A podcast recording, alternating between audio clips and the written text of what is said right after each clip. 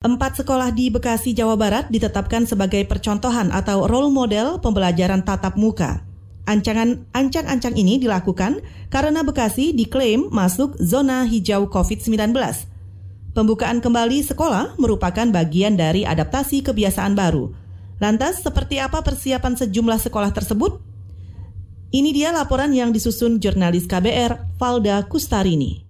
SD Islam Al-Azhar 6 Jaka Permai Bekasi tengah mengebut persiapan jelang pembukaan kembali sekolah. Wakil Kepala Sekolah Al-Azhar 6 Winawati menjelaskan, persiapannya meliputi sarana prasarana pencegahan COVID-19 sampai pada sistem pembelajaran. Nantinya, hanya siswa kelas 4 hingga 6 yang bakal masuk sekolah dengan kapasitas ruang kelas 50%. Wina menekankan, Pembelajaran tatap muka ini tak bersifat wajib. Siswa boleh masuk sekolah jika mendapat izin dari orang tua. 4, 5, 6 pastinya diatur lain hari karena wacana ke depan itu pertama sekali lagi yang berminat saja ya Bu ya. Terus yang kedua harinya pastinya kita atur karena kelas 4 kita ada 5 kelas. Kelas 5, 6 ada paralel 4, 4. Dengan kita atur audiennya yang kursi yang aktif sekitar 9-an. 9 itu untuk jaga jarak antara masing-masing kursi sekitar satu setengah meteran itu cukup. Wina mengakui baru sedikit orang tua yang mengizinkan anaknya masuk sekolah. Hal ini tercermin dari hasil angket yang mencatat rata-rata tak sampai 10 siswa tiap kelas yang diperbolehkan belajar di sekolah. Meski begitu, Wina memastikan berapapun siswa yang hadir akan tetap dilayani.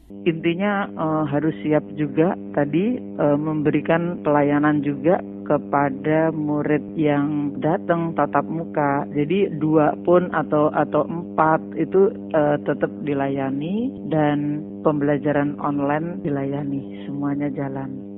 Wina tak masalah, sekolahnya dijadikan percontohan. Menurutnya, siswa memang butuh diperkenalkan tentang adaptasi kebiasaan baru. Pastinya setelah menghadapi zona hijau itu kan murid-murid juga dihadapkan pada tatap muka. Dengan adanya kesempatan untuk mulai lebih awal begini, maka anak sudah terbiasa. Selain Al-Azhar, SMP Negeri 2 Bekasi pun mulai bersiap menggelar pembelajaran tatap muka. Samsu, selaku kepala sekolah menyebut, selain protokol kesehatan, pihaknya juga merancang metode pembelajaran baru. Sekolah bakal menerapkan metode daring, luring, dan kombinasi keduanya. Apa yang dilakukan di kelas tidak di live streaming atau tidak tidak disiarkan kepada anak yang lagi daring. Yang daring dilayani lagi oleh guru. Karena kita negeri ini punya karakter siswa dan orang tua berbeda. Siswa tak diwajibkan belajar di sekolah apabila tak diizinkan orang tua.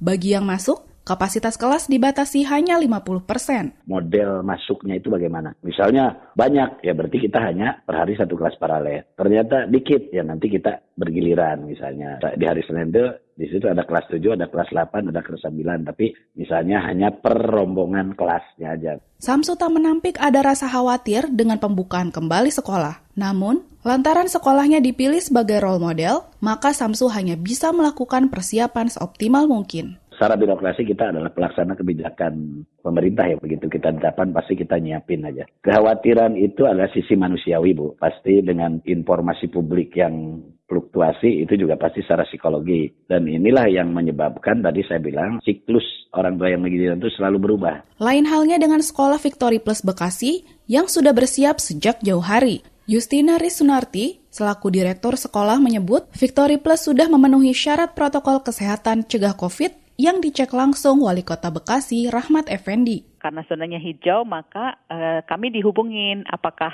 uh, bagaimana kesiapannya gitu kan. Sebenarnya kita sudah mempersiapkan ini jauh-jauh hari juga. Bagaimana sih nanti kalau kita kembali face to face, kapan kita lakukannya kan tergantung dari pemerintah. Namun, tak semua siswa masuk pada awal pembukaan hanya murid kelas 7 SMP dan 10 SMA yang dijadwalkan masuk. Sebelumnya, para murid harus sudah mendapat izin dari orang tua dan sudah melakukan tes cepat dengan hasil negatif. Yang pertama kita prioritaskan itu di kelas 7 dan kelas 10. Kenapa? Karena mereka kan anak-anak baru ya. Biasanya kan kalau anak-anak baru eh, dari sekolah yang berbeda-beda, kemudian ada juga yang dari sekolah kami, lulusan kami sendiri, itu perlu interaksi di awal-awal.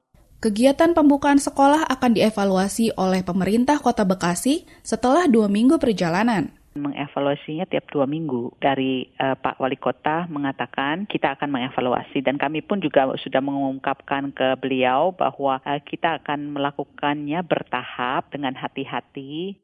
Demikian laporan khas KBR, saya Valda Kustarini.